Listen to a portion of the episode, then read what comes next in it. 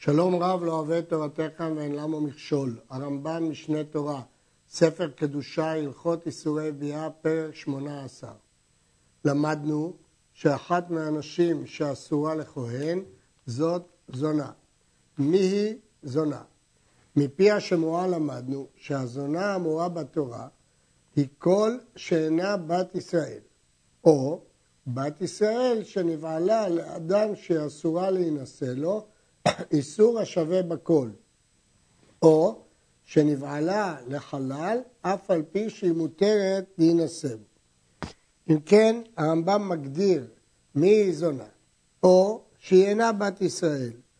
לפי המגיד משנה מדובר בגיורת, ולפי הבית שמואל הכוונה בגויה, שדינה כזונה. למרות שיש פוסקים שסוברים שסתם גויה אינה נידונת כזונה אם לא ידוע שזינתה.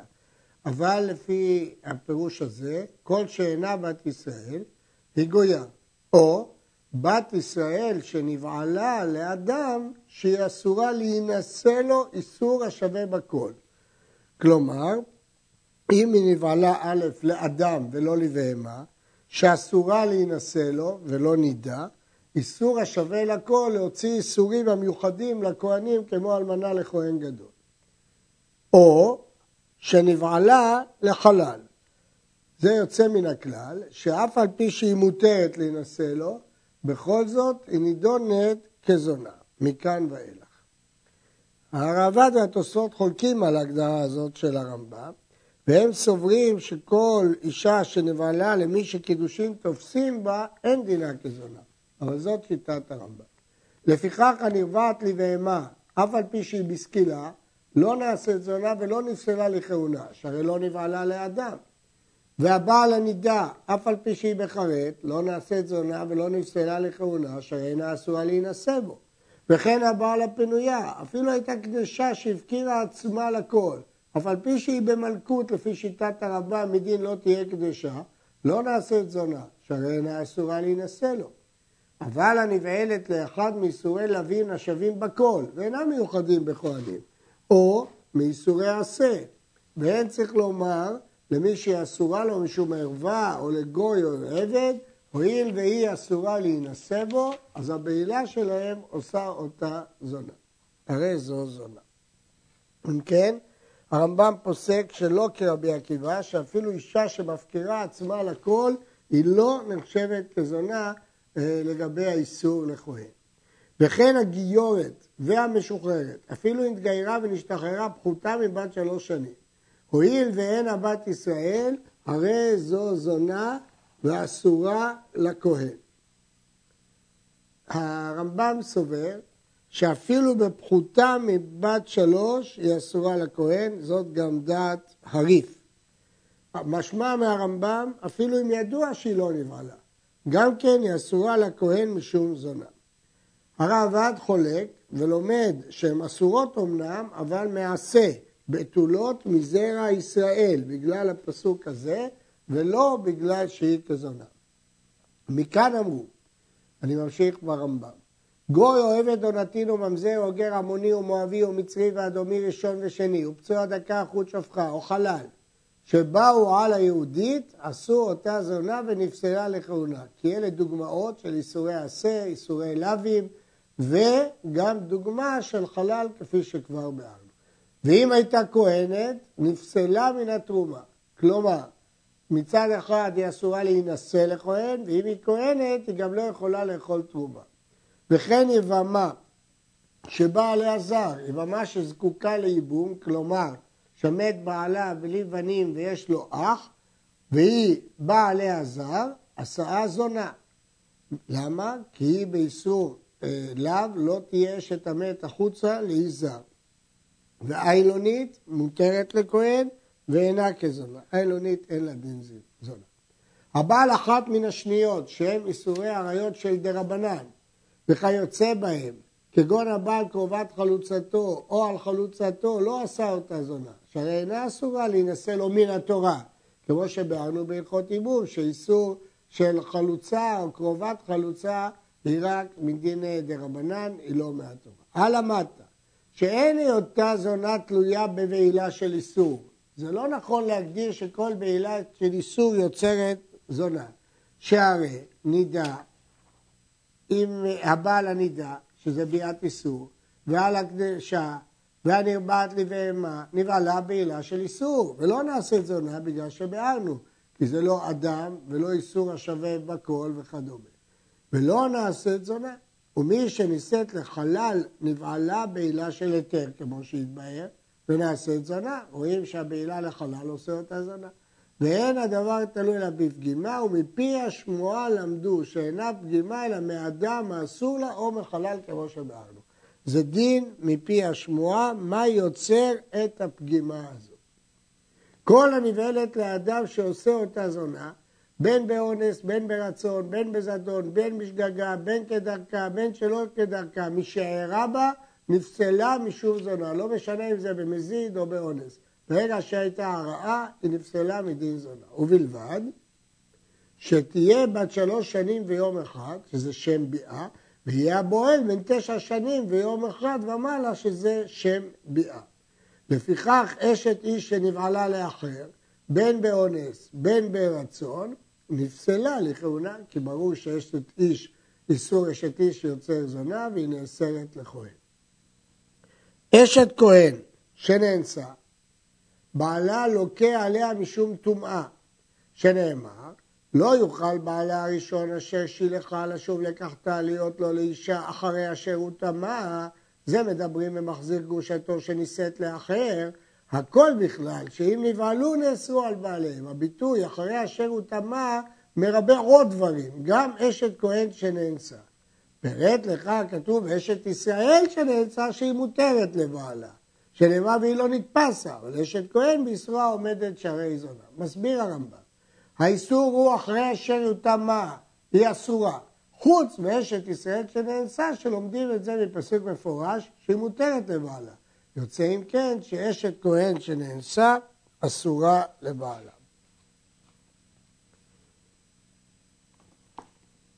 אשת ישראל שנאנסה, אף על פי שהיא מותרת לבעלה, הרי זו אסורה לכהונה, כפי שהסברנו.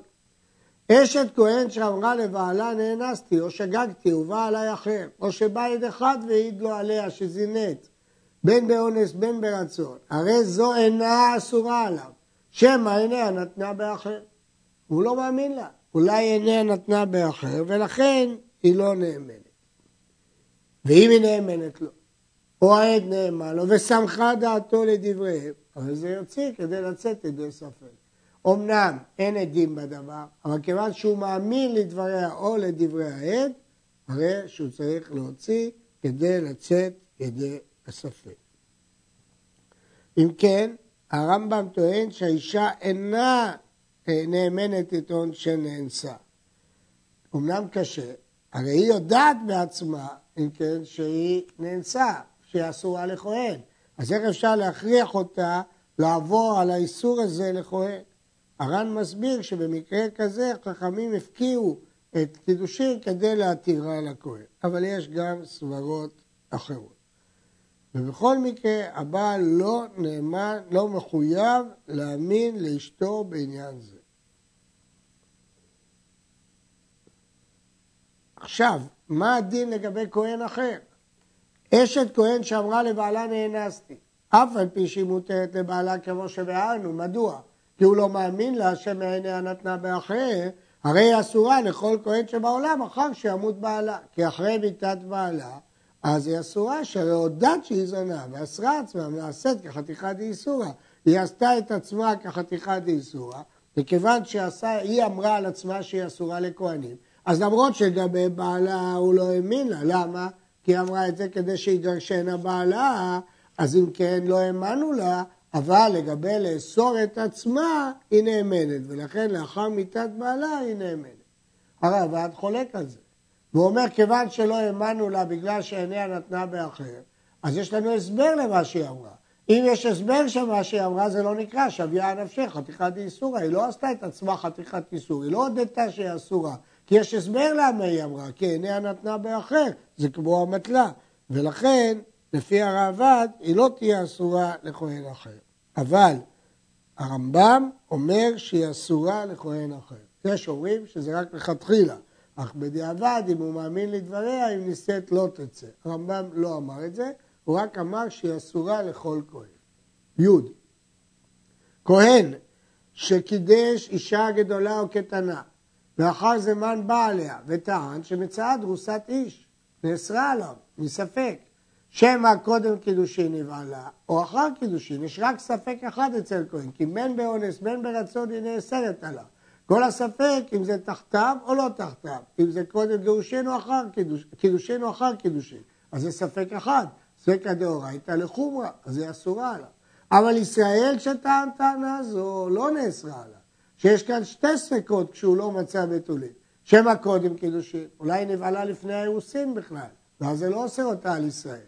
שמא אחר קידושין, ואפילו אם נאמר אחר קידושין, שמא באונס, כיוון שזה לישראל, אונס לא עוצר עליה. או ברצון, הנוסה מותרת אז יש ספק ספקה. ספק תחתיו, ספק לא תחתיו, ואפילו מה תאמר תחתיו, ספק באונס, ספק ברצון. וכיוון שזה ספק ספקה, אז לכן לישראל היא מותרת. אבל לכהן שזה רק ספק אחד, אז היא אסורה כמו שבארץ. לפיכך, אם קידשה אביה לישראל, והיא פחותה מבת שלוש שנים ויום אחד, וטען שמצאה דרוסת איש, נעשה עליו מספק, שאין כאן ספק אחד, שמא בעונש שמא ברצון. אין פה ספק שהיא לא תחתיו, כי הוא קידש אותה בת שלוש שנים ויום אחד, אז לא ייתכן שלפני הקידושין, כי בתוליה היו חוזרים, אלא ודאי שנבעלה לאחר הקידושין. נשאר רק ספק אחד אם זה באונס או רצון. אומר הרמב"ם, ספק איסור של תורה להחמיר, ולכן היא אסורה עליו. יש להעיר ששיטת הרמב"ם שספק מהתורה להחמיר מדרבנן. הלכה י"ב כל אישה שקינא לבעלה, כמו שלמדנו בהלכות סוטה, שהוא אמר לה בפני שניים, אל תתייחדי עם איש פלוני, ונסתרה, היא נסתרה איתו, התייחדה איתו. אז משקים אותה מסוטה, ולא שתת מסוטה, מאיזושהי סיבה שנראה לקמן, היא לא שתתה. הרי זו אסורה לכהן, מפני שהיא ספק זונה. כלומר, לבעלה בוודאי שהיא אסורה, עד שהיא תשתה. אבל אפילו אם בעלה ימות, אסור לכהן אחר לשאת אותה, מכיוון, אפילו שבעלה מת, כי היא ספק זונה, כי היא לא שתתה ולא תיארו אותה המים.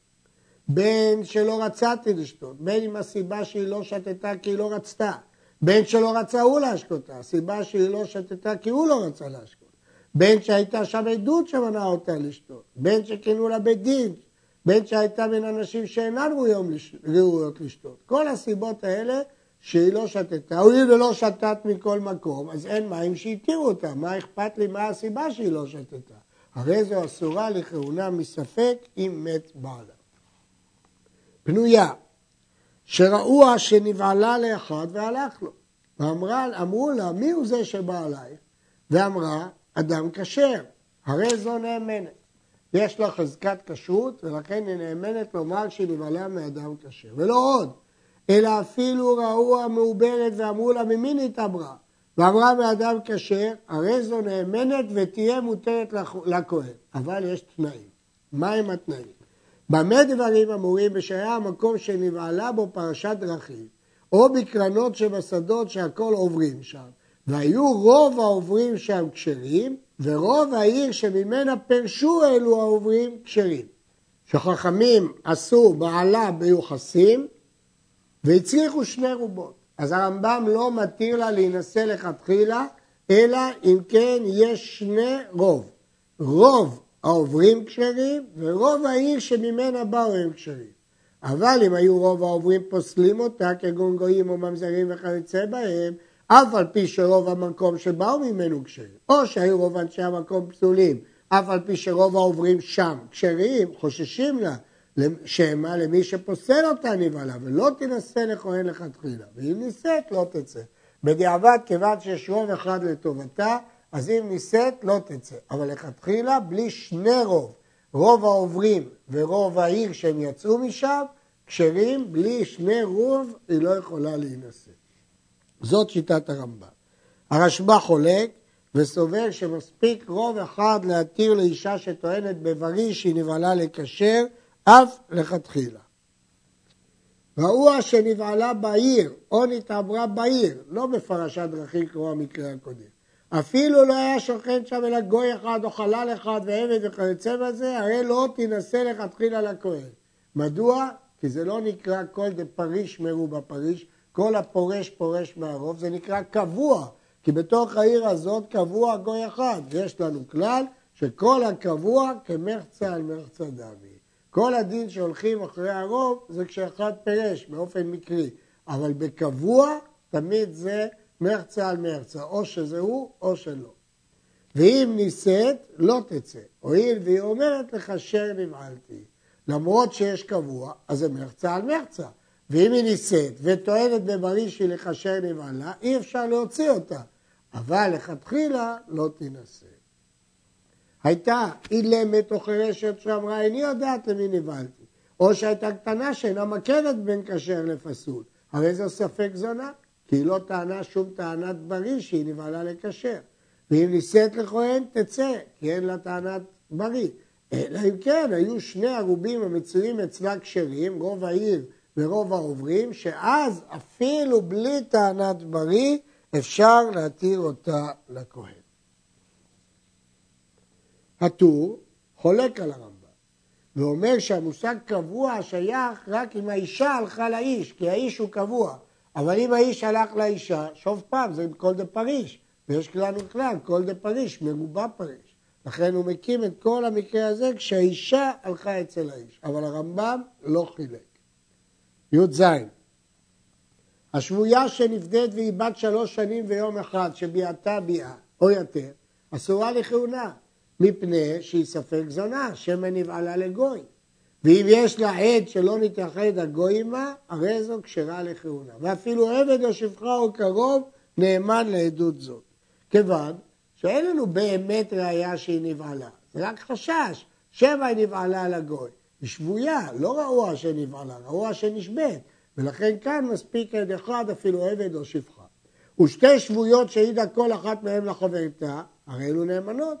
הואיל וייסעו כל הספקות כולם מדברי סופרים, לפיכך הקלו בשבויה.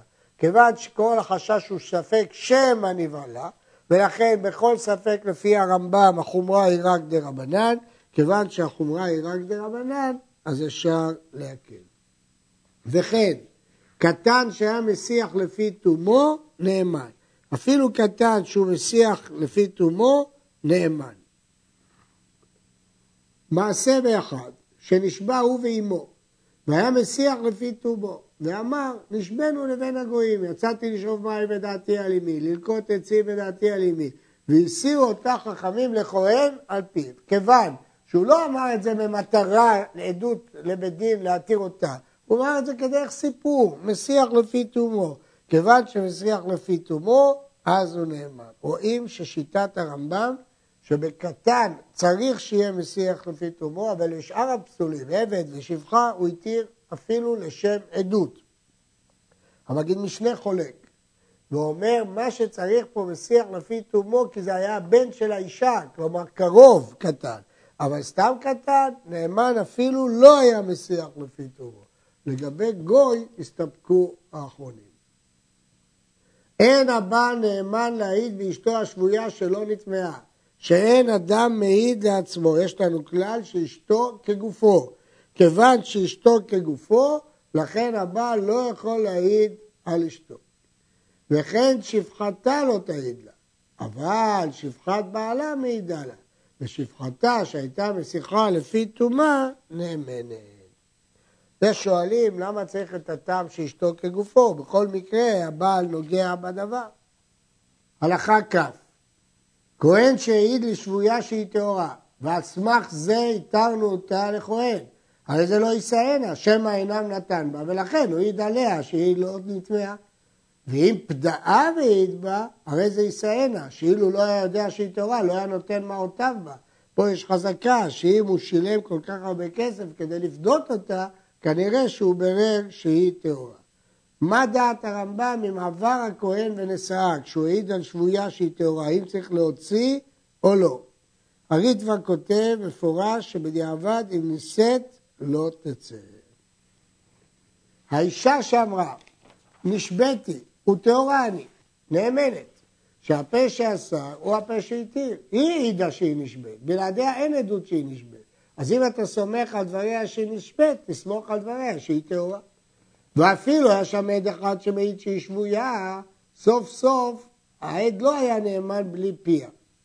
אבל אם יש שם שני עדים שנשבית, אינה נאמנת, עד שיעיד לה אחד שהיא טהורה, כמו שביארנו בהלכות הקודמות. היו שם שני עדים שנשבית, ועד אחד מעיד שנטמאת, ואחד מכחיש אותו, מעיד לה שהיא טהורה, ולא נתייחד עם הגוי עד שנבדל. אפילו זה שמעיד שהיא טהורה אישה או שפחה, הרי זו מותרת. כן, יש פה חידוש גדול, שאין הבדל אם עד הטומאה בראשון או אחרון, בכל מקרה אנחנו מאמינים לעד המטהר. זה חידוש גדול. הר"ן אומר שזאת כולה מיוחדת שעשו לשבויה, וכך כתב המגיד משנה. יש פירוש אחר בר"ן, ברמנו ניסים, שמדובר פה דווקא שבאו בזה אחר זה, והמטהר בא ראשון, לכן אני מאמין לו. אבל אם באו בבת אחת, או שהמטהר בא אחרון, לא נאמין לו. אבל הרמב"ם לא חילק. משמע ברמב"ם שבכל מקרה נאמין למטהר, זה כולה מיוחדת בשבויה. הלכה כ"ב מי שאמרה נשבתי וטהורה אני ויתירוה בדין להינשא. על סמך דבריה, שהפה שעשה הוא הפה שהתיר, היא אמרה נשבתי והיא אמרה טהורה אני, על סמך זה התרנו לה. אחר כך, אחרי שבדין התירו לה להינשא, באו שני עדים שנשבית. הרי זאת תינשא לכתחילה ולא תצא מהיתרה. כיוון שהתרנו לה להינשא, לא מוצאים אותה מהיתר. שוב, זה כולה מיוחדת בשבויה. אני מדגיש, כי לא ראינו באמת שהיא נטמעה. ואפילו נכנס אחרי השבת והרי שבויה לפנינו ביד אדוניה, הרי זה לא תצא מהיתרה שהיא תראו, משמרים אותה מעתה עד שתיפדה. פירוש הדבר, היא התחכמה ורצה מהר לפני השמאי, ואז אנחנו עוד לא יודעים שהיא שבויה. והיא אמרה נשבעתי וטהורני, מיד התרנו אותה. אפילו שעוד רגע יבוא השבת, ואז כבר לא הייתי צריך את העדות שלה שהיא נשבעת, אבל כיוון שכשהיא אמרה נשבעת, עוד לא היה השבת, והיא אמרה טהורני, נאמנת. באו לה שני עדים אחר כך שנטמאת, לא שנשבית, אלא באו שני עדים שהיא נטמאת, כאן לא מועיל ההיתר שאיתנו. אפילו נישאת ואפילו היו לו בנים, הרי זאת תצא. כל מה שאמרנו קודם, שמתירים לה להינשא לכתחילה, זה כשבאו שני עדים שנשבית. אז אמרנו שהפשע השר הקדים את העדים. אבל אם באו שני עדים שהיא נטמאת, פה לא יועיל שום הפשע השר, ואפילו נישאת, תצא אפילו אם היו לה בנים. ואם בא עד אחד, אינו כלום. אמרה נשבעתי טהורה אני ויש לי עדים שאני טהורה. אין אומרים להמתין עד שיעבור העדים, אלא מתאים אותם מיד על סמך הכלל, הפה שעשה הוא הפה שהתיר. ולא עוד אלא אפילו יצא עליה כל שיש עליה עדי טומאה במדינת הים. מתירים אותה עד שיבואו. לא צריכים להגיד נחכה עד שיבואו ואז נחליט. לא, מתירים אותה. שבשבויה הקלו. כל זה דין מיוחד של כולות בשבויה כדי לא להחמיר על השבויות, חכמים הקלו עליהם. כמובן, מדובר כשאין עדים שהיא נטמעה. יש חולקים לגבי כל, אבל זאת שיטת הרמב"ם. האב שאמר, קידשתי את ביתי וגירשתיה, והרי היא קטנה, נאמן. כיוון שיש לו נאמנות לקדש אותה כשהיא קטנה, הוא נאמן לומר קידשתיה וגירשתיה. קידשתיה וגירשתיה כשהייתה קטנה והרי היא גדולה. אינו נאמן להחזיקה גרושה, כי עכשיו אין לו נאמנות להגיד שהוא קידש אותה, היא כבר גדולה, אז הוא לא נאמן להחזיקה גרושה. נשבית ופדיתיה, בין שהיא גדולה, בין שהיא קטנה, אינו נאמן. שלא האמינה אותו תורה אלא לאוסרה משום אישות, שנאמר את ביתי נתתי לאיש הזה, אבל לא לפוסלה משום זה. באור הדבר. בעצם אבא לא נאמן, הוא קרוב, הוא עד אחד, מה פתאום שהוא יהיה נאמן לאוסר אותה משום זנות. יש לו רק נאמנות מיוחדת שהתורה נתנה לו, להגיד קידשתי את ביתי. וכיוון שהוא נאמן לומר קידשתי את ביתי הקטנה, אז הוא נאמן גם לומר גירשתי כשהיא קטנה, כי הוא יצר לה חזקת איסור, הוא יצר לה חזקת היתר. אשת כהן שנאסרה עליו משום שבויה, הואיל והדבר ספק, הרי זו מותרת לדור עמו בחצר אחת. אנחנו לא יודעים שהיא ודאי נבעלה לגוי, היא רק הייתה שבויה. ובלבד שיהיו עמו בניו ובני ביתו תמיד לשומרו. עיר שבאה במצור ונכבשה, אם היו הגויים מקיפים את העיר מכל רוחותיה, כדי שלא תימלט אישה אחת עד שיראו אותה ותעשה ברשותן, הרי כל הנשים שבדרכה פסולות לכהונה כשבויות, שמא נבהלו לגויים. בעצם כל העיר הזאת בשבי, כיוון שאף אחת לא יכולה להימלט. אלא מי שהייתה בת שלוש שנים ומטה, כמו שביארנו, שהביאה היא לא ביאה. ואם היה אפשר שתימלט אישה אחת, ולא ידעו בה, יש מקום אחד שאישה יכולה להימלט, או שהייתה בעיר מחבורה אחת, אפילו אינה מחזקת אלא אישה אחת, הרי זו מצלת על הכל. איך היא מצילה על הכל? כיצד מצלת? שכל אישה שאמרה טהורה, אני נאמנת. ואף על פי שאין לה עד, מתוך שיכולה לומר, נמלטתי כשנכבשה העיר, או מחבורה הייתי וניצלתי. נאמנת לומר, לא נמלטתי ולא נכבדתי ולא נטמאתי. היא לא אומרת שהיא ברחה, היא לא אומרת שהיא התחבאה. היא אומרת שהייתה בעיר ולא נטמעה, אבל יש לה מיגו. היא יכלה להגיד שהיא ברחה, כי יש מקום שאחת הייתה בורחת, או שהתחבאה, כי הרי יש מקום שאישה אחת יכולה להתחבא, ולכן היא נאמנת. והחידוש פה לפי הריד והרמב"ם, שמותר לכל נשות העיר להינשא, למרות שרק אחת יכולה לברוח במחבוא הזה, להתחבא במחבוא הזה. אבל זה בתנאי שהיא טוענת בפירוש שהיא טהורה, ואז נאמין לה במיגו. יש ראשונים שאומרים אפילו לא תיתן בפירוש, אנחנו נתלה שהיא התחבאה. אבל הרמב"ם אומר רק אם היא טוענת בפירוש. במה דברים אמורים בגדוד של אותה מלכות שמתיישבים בעיר ואינם יראים?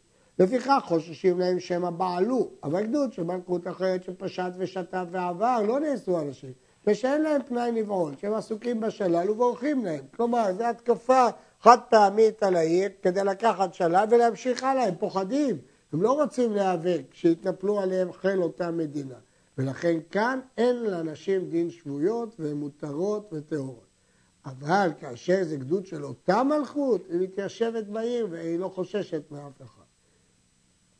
ואילו גדוד שעובר, אם שבו נשים ונעשו משתף על פי שכתפו אחרי ישראל ויציאת הרדם, הרי הם אסורות. כל מה שאמרנו בגדוד שעובר, שאין דין שבויות, זה לאנשים שהיו בעיר, אבל לאנשים שהם ממש שבו אותם, זה פשיטה שיש להם דין שבויות, אפילו שרדפו אחריהם ישראלים והצילו מידם, והן אסורות.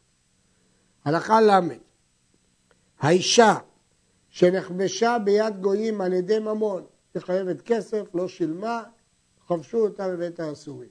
מותרת, אין חשש שהיא נבעלה, אין לה דין של שבויה. ועל ידי נפשות, אם היא נכבשה בשביל נפשות, כאן היא נאסרת לבעלה. לכהונה, אם בעלה כהן. לפיכך אם היה בעלה כהן נאסר עליו. במה דברים אמורים? בזמן שיד ישראל תקפה על הגויים והם יראים מהם. אז כשהמשפט על ענייני ממון, אין חשש שיהרגו, שיבעלו. אבל בזמן שיד הגויים תקיפה עלינו, אפילו על ידי ממון, כיוון שנעשית ברשות הגויים, נאסרה. לא משנה אם זה על ממון או על נפשות, כי הם לא חוששים משום דבר. אלא אם כן העיד לעד אחד כשבויה כמו שבארנו. הרמב"ם מסביר שכל הדין הזה הוא באשת כהן, אבל באשת ישראל יש ספק ספקה, אולי היא נבהלה וגם היא נבהלה, אולי באונס, ואולי בכלל להגיד שכל מחבוש זה אונס. אבל יש דעת התוספות שחולק ורוצה להסביר את הסוגיה גם באשת ישראל, אבל אין כן דעת הרמב"ם. עד כאן.